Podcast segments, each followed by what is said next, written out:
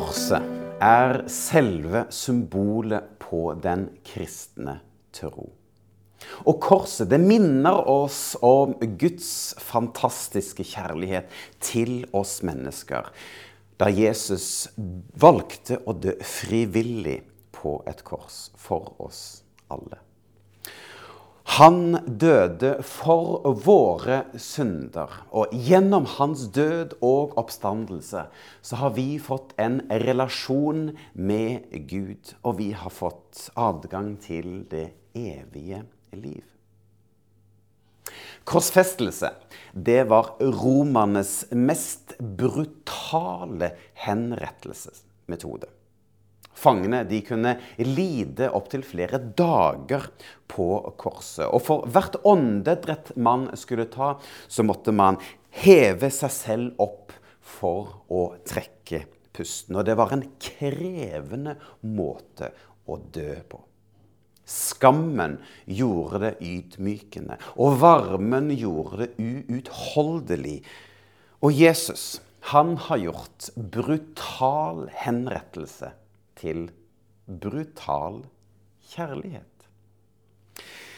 For han ga seg selv for oss mennesker, for at vi skulle få lov til å få fred med Gud.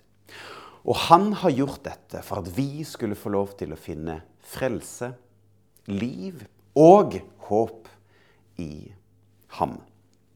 Det som var ment som spott, det som var ment som en pinefull død, har nå blitt et kjærlighetens symbol. Gud han elsket oss så høyt at han sendte sin sønn for at han skulle dø på korset. Og vi kan lese om Jesus i eh, Johannes 10, hvor Jesus sier selv at 'Jeg er den gode gjeteren. Jeg gir mitt liv for å redde sauene'. Altså, Jesus er den gode gjeter som gir sitt liv for oss. Det var ikke slik at noen tok hans liv, men han ga sitt liv. Og gjennom hans død og oppstandelse så gjenopprettet han veien inn til Gud. Tenk for en kjærlighet! Det å gi sitt liv for andre. Men den kristne tro kan vi òg si at korset forteller om en annen side av troen. For korset består jo av to tverrbjelker. Den ene går loddrett, og den andre går vannrett. Den loddrette går fra øverst til nederst, og den minner oss om at troen handler om relasjonen mellom Gud og meg. Han elsket meg først, og så kan jeg elske ham tilbake. Men det er òg en annen tverrbjelke som går på tvers, og den minner oss om kjærligheten til våre medmennesker. At troen handler ikke kun om gudsrelasjonen, men òg relasjonen til de menneskene vi omgås med. Og eh, det er slik at Troen den skal være med å vokse både oppover og utover. Og Det hadde jeg en preken for noen uker siden som heter nemlig det 'Troen vokser utover og innover'. Men korset har forandret alt. Før Jesu død på korset så hadde Guds folk et helt annet forhold til Gud. For oss som lever under nåden, så det heter, Altså etter Jesu død og oppstandelse, så er verdensbildet blitt helt annerledes. For vi kan fort glemme hvordan det en gang så ut for de troende. Ja, det blir litt på samme måte som å sammenligne det med Norge før demokratiet kom. Det er litt utenkelig Litt rart å tenke på hvordan det må ha vært før demokratiet kom til Norge. Det virker så fjernt. Og litt på samme måte kan man si at det er med korset. For før korset så samlet menneskene seg i tempelet for å ære Gud. Og da hadde man ikke dette nære og personlige forholdet til Gud som vi kan oppleve i dag. For korset har forandret alt. For ved at Gud ga sin sønn og at Sønnen ga sitt liv, og at Den hellige ånd kom og tok bolig i våre hjerter, så har vi fått en personlig og nær og hjertevarm relasjon med Gud. Og vi inviteres altså til et fellesskap med Gud i himmelen. Og for oss som lever da 2000 år etter korset, så kan vi altså lett glemme hvordan det var før korsfestelsen. For gjennom korset så får vi oppleve kjærligheten til Gud. For i Det gamle testamentet så kan vi oppleve at Gud blir framstilt som en eh, rettferdig og hellig Gud. Og dette med denne personlige relasjonen kommer ikke så tydelig fram. Men gjennom Jesus så får vi oppleve og oppdage og se denne kjærligheten som Gud har til meg og deg. For kjærligheten min, korset minner oss om kjærligheten. Men det er òg en annen dimensjon som jeg har lyst til å løfte fram for deg i dag. Og eh, jeg kaller det for et både-og. Vi skal lese fra Galatane 2 fra Hverdagsbibelen, og der står det.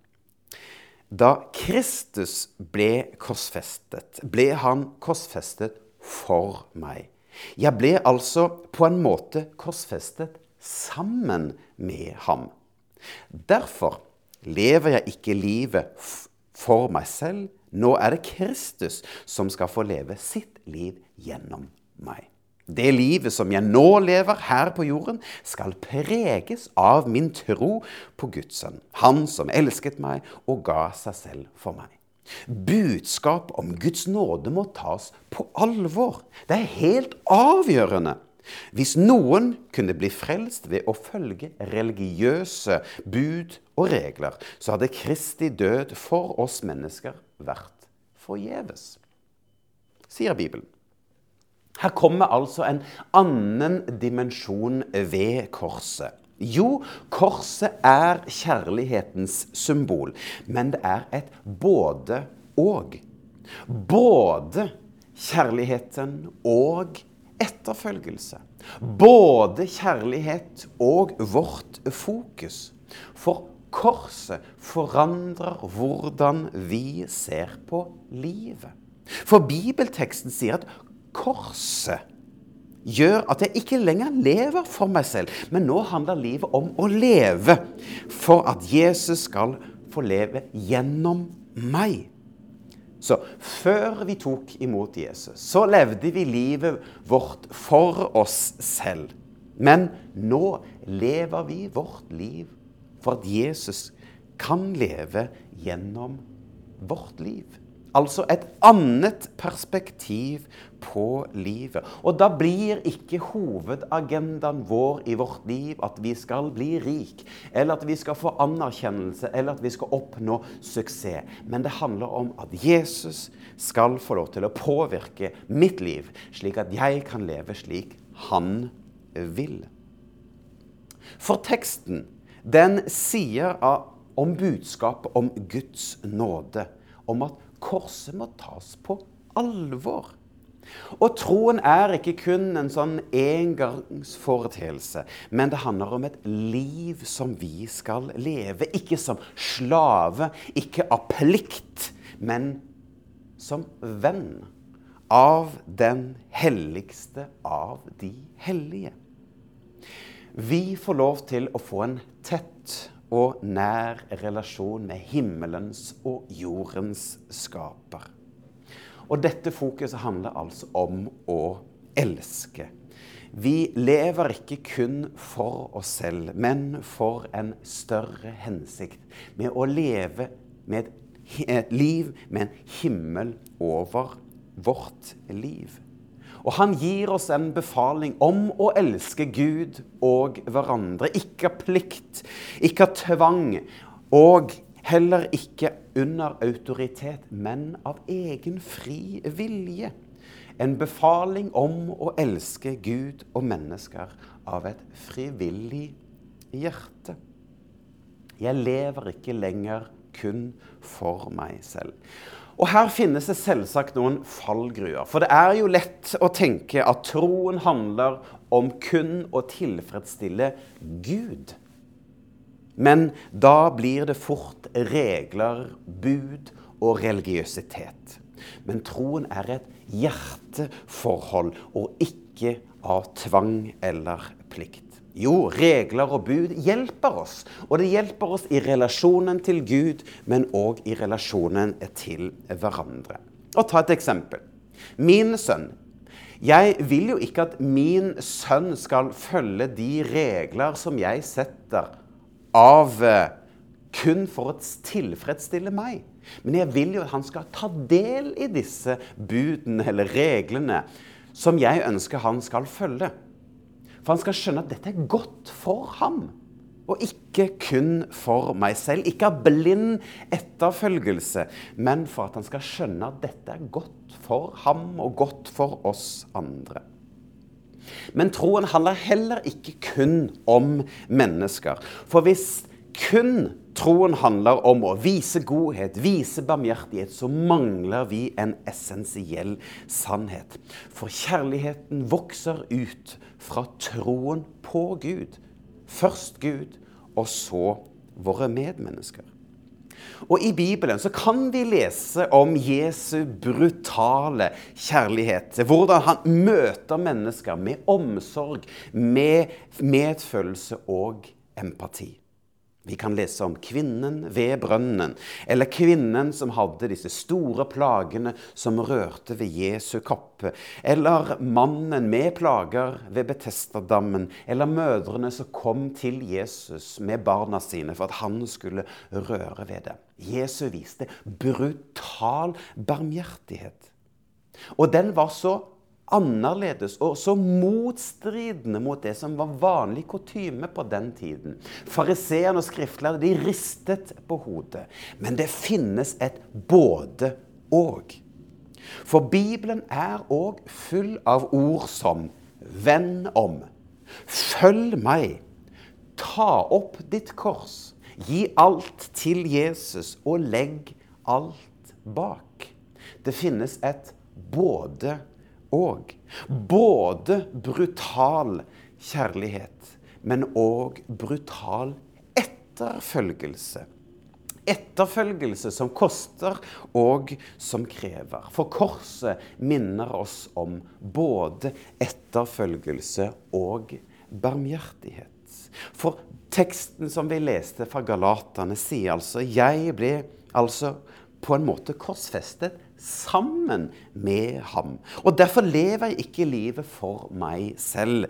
Nå er det Kristus som skal få lov til å leve sitt liv gjennom meg.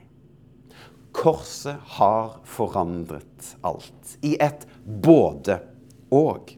For korset peker på kjærligheten, men det peker også på etterfølgelse. Kjærligheten er at Gud elsket oss først. Og så ber han oss om å elske ham og vår neste. Brutal kjærlighet og brutal etterfølgelse. Amen.